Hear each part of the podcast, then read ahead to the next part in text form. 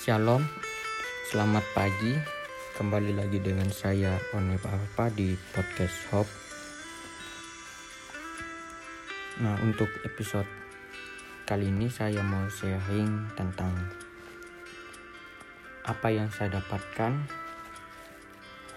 uh, dari sewaktu saya mengikuti ibadah di komunitas suhani yang saya ikuti. Nah, judulnya itu tentang berdoa dengan kasih. Dasar firman Tuhan yang diambil itu dari Efesus 3 ayat 14 sampai 21. Firman Tuhannya berbunyi demikian. Itulah sebabnya aku sujud kepada Bapa yang daripadanya semua turunan yang di dalam sorga dan di atas bumi menerima namanya. Aku berdoa supaya ia menurut kekayaan kemuliaannya menguatkan dan meneguhkan kamu oleh rohnya di dalam batinmu. Sehingga oleh imanmu Kristus diam di dalam hatimu dan kamu berakar serta berdasar di dalam kasih. Aku berdoa supaya kamu bersama-sama dengan segala orang kudus dapat memahami betapa lebarnya dan panjangnya dan tingginya dan dalamnya kasih Kristus dan dapat mengenal kasih itu. Sekalipun ia melampaui segala pengetahuan, aku berdoa supaya kamu dipenuhi di dalam seluruh kepenuhan Allah. Bagi dialah yang dapat melakukan jauh lebih banyak daripada yang kita doakan atau pikirkan, seperti yang ternyata dari kuasa yang bekerja di dalam kita. Bagi dialah kemuliaan di dalam jemaat dan di dalam Kristus Yesus turun temurun sampai selama-lamanya. Amin. Nah, sewaktu saya mendengar uh, mengikuti ibadah ini dan juga mendengar firman Tuhan yang disampaikan, ada suatu pertanyaan yang terlintas di benak saya itu apa yang membuat kita itu susah untuk berdoa? Apa yang membuat kita itu susah untuk menikmati hubungan yang intim dengan Tuhan di dalam doa? Nah, salah satu hal yang membuat kita itu susah untuk berdoa adalah kekecewaan uh, dari kita sendiri yang timbul di dalam hati kita. Nah, kekecewaan itu seperti uh, kita berdoa, tetapi kita gak menerima sesuatu apa pun saat kita berdoa, atau kita berdoa tapi kita merasa seperti uh, doa itu uh, ada apa-apa atau feedback ke, ke kita gitu nah kekecewaan itu muncul uh, mungkin karena ini aktivitas ataupun kesibukan kita yang membuat kita itu susah untuk meluangkan waktu kita untuk datang kepada Tuhan atau pun berdoa kepada Tuhan. Saat kita gak datang kepada Tuhan, ini kita membiarkan diri kita tuh ini semakin lama semakin menjauh dari Tuhan gitu. Nah saat kita jauh dari Tuhan, kita rentan untuk merasakan uh, kekecewaan.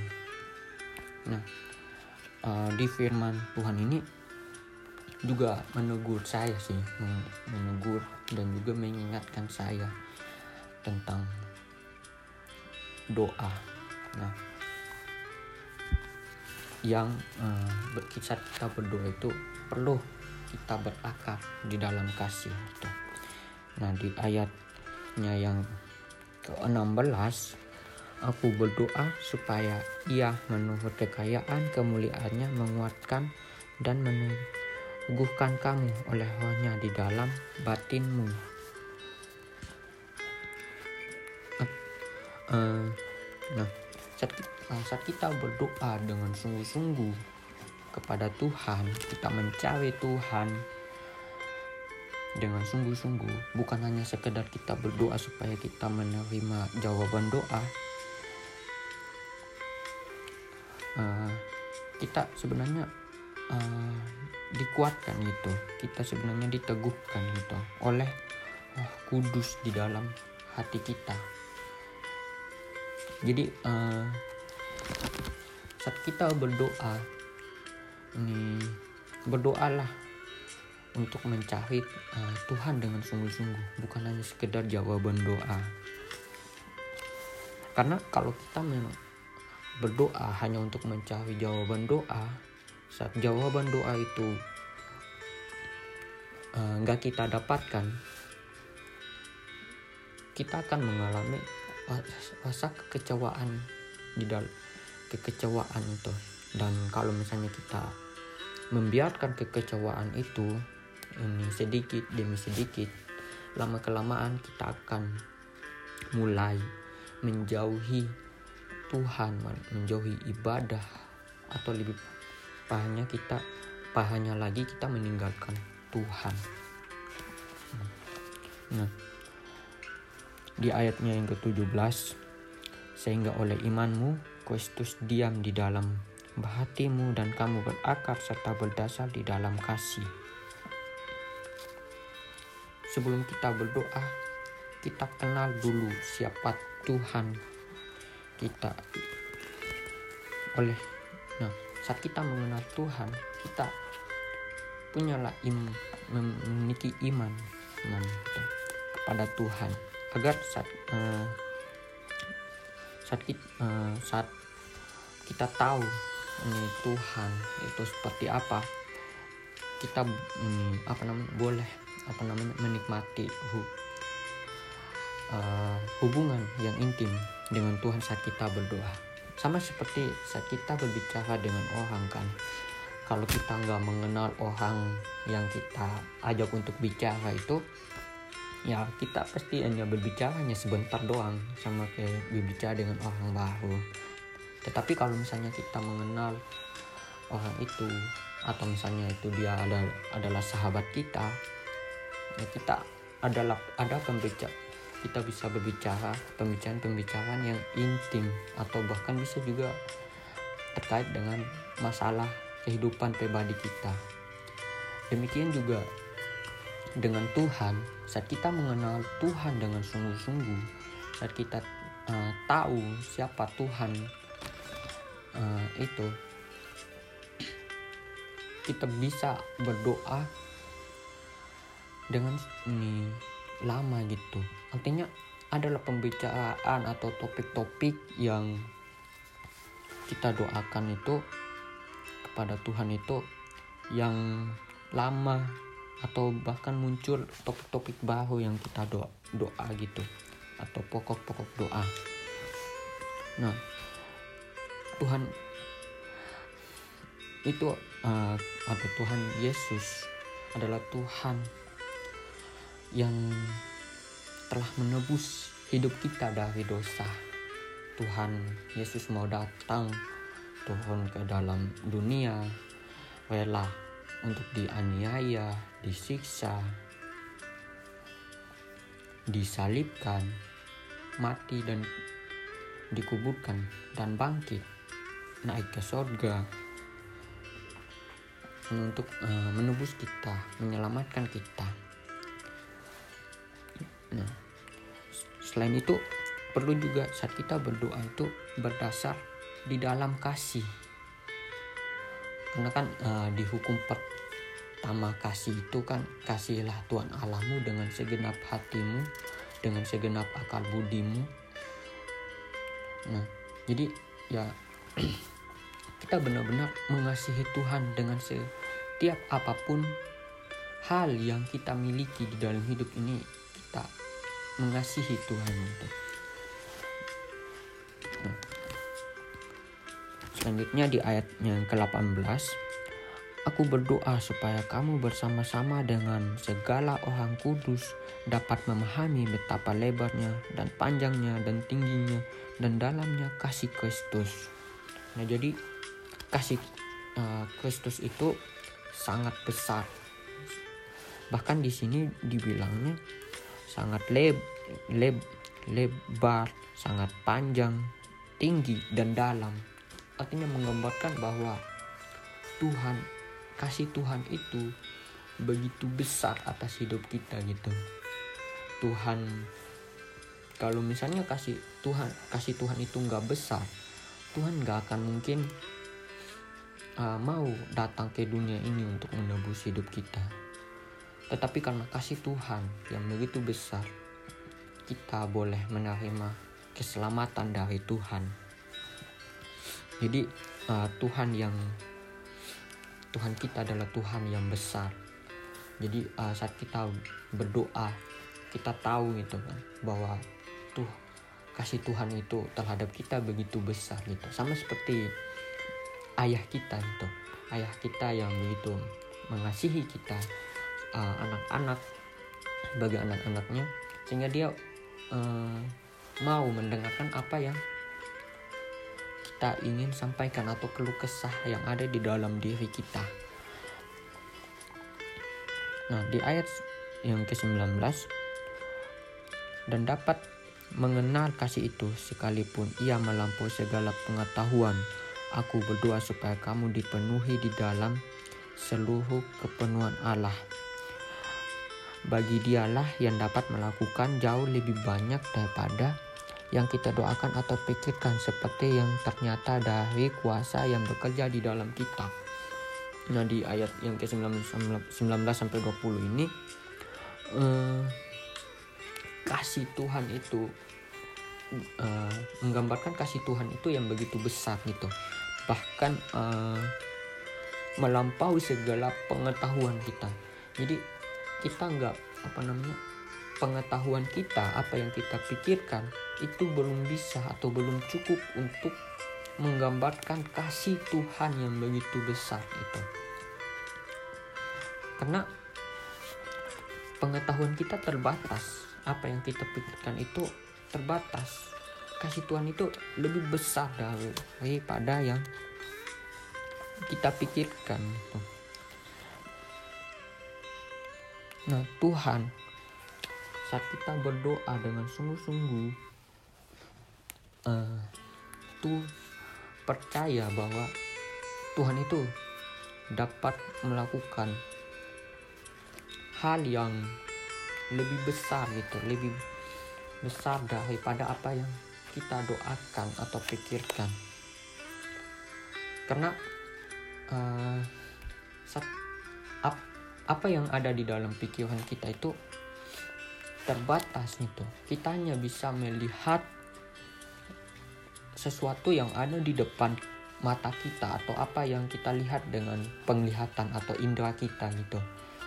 Tetapi Tuhan itu dia mengetahui masa depan kita, apa yang terjadi pada kita itu di masa depan. Ataupun uh, Tuhan itu udah udah tahu nih, udah sudah tahu apa yang akan terjadi pada kita satu jam kemudian atau dua jam kemudian bahkan satu atau satu menit kemudian. Tuhan udah sudah mengetahuinya. Dan uh, di Yeremia 29 ayat 11 kan bilang uh, rancangan Tuhan itu lebih besar daripada rancangan kita jadi uh, beduk. Jadi apa namanya? Jika kita memiliki kekecewaan kekecewaan uh, kepada Tuhan ataupun terhadap pekerjaan ataupun di dalam studi kita mari kita uh, berdoa kepada Tuhan.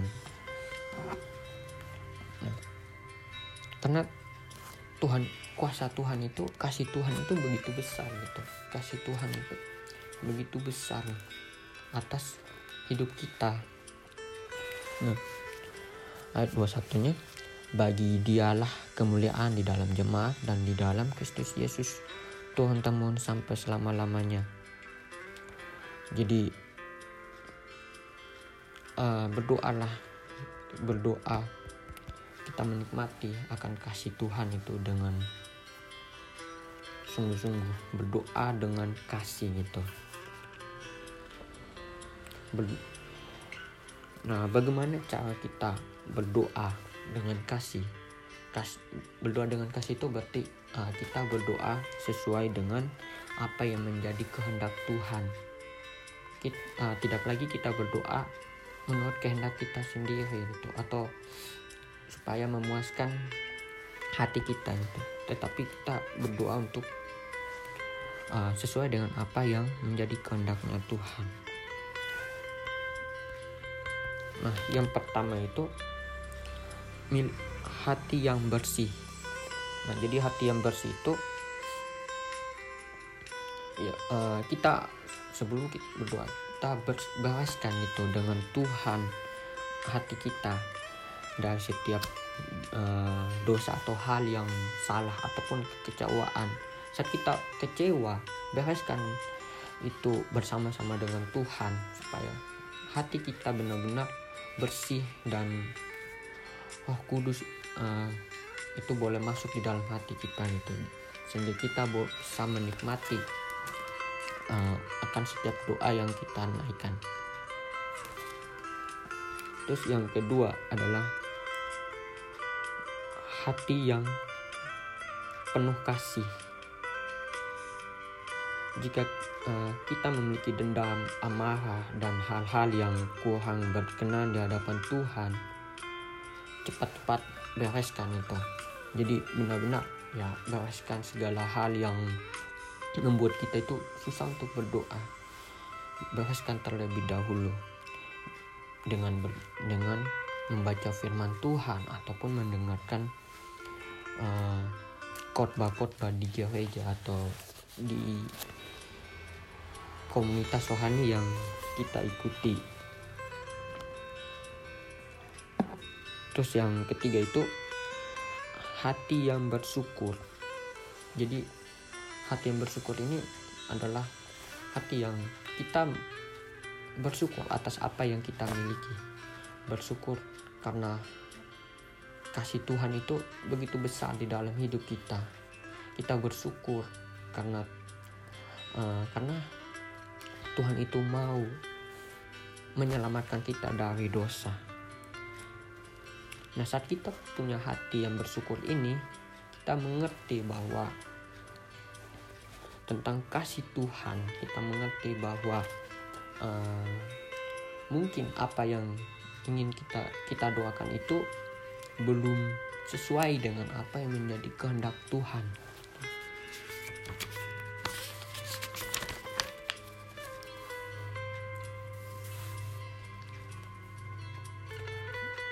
Terus yang keempat yaitu uh, rajinlah untuk membaca firman Tuhan dan mempraktekkan firman Tuhan itu di dalam hidup kita. Tanpa kita mem membaca firman Tuhan tanpa kita mempraktekkan uh, firman Tuhan itu uh, saat uh, kita berdoa itu hanya ya hanya hanya sebentar aja hanya enggak lama. Tetapi saat kita mempraktekkan firman Tuhan hidup kita benar uh, kita akan benar-benar merasakan akan kasih Tuhan yang sesungguhnya gitu. Kasih Tuhan yang begitu besar atas hidup kita. Terus ya selanjutnya yang kelima itu biarkan kuasa Tuhan bekerja di dalam hidup kita. Biarkan uh, Tuhan uh, kuasa Tuhan itu bekerja di dalam hidup kita. Kita membiarkan Tuhan yang mengatur hidup kita. Uh, entah itu mau ke arah mana, kita biarkan ini Tuhan yang mengatur karena Tuhan itu jauh lebih mengetahui tentang hidup kita tentang diri kita daripada orang lain. Atau bahkan dari diri kita sendiri. Itu Tuhan lebih lebih mengetahui lebih tahu. Nah uh, mungkin uh, sekian yang dapat saya bagikan tentang apa yang saya dapatkan tentang eh dari ibadah di komunitas wani yang saya ikuti uh, semoga tuh bisa memberkati teman-teman semuanya jadi uh, saat kita berdoa berdoalah dengan kasih dan cepat-cepat bereskan ke kekecewaan ataupun hal-hal yang membuat kita itu susah untuk berdoa lama. Nah mungkin uh, masih banyak kekurangan yang ada di dalam podcast ini. Dan juga mungkin ada beberapa kata yang belibet atau terkesan diulang-ulang gitu kan. Karena saya juga masih belajar untuk memberikan uh, hal yang terbaik. Uh, dan juga uh, uh, saya minta saran dari teman-teman semuanya untuk biar uh, podcast ini atau boleh menjadi lebih baik lagi dalam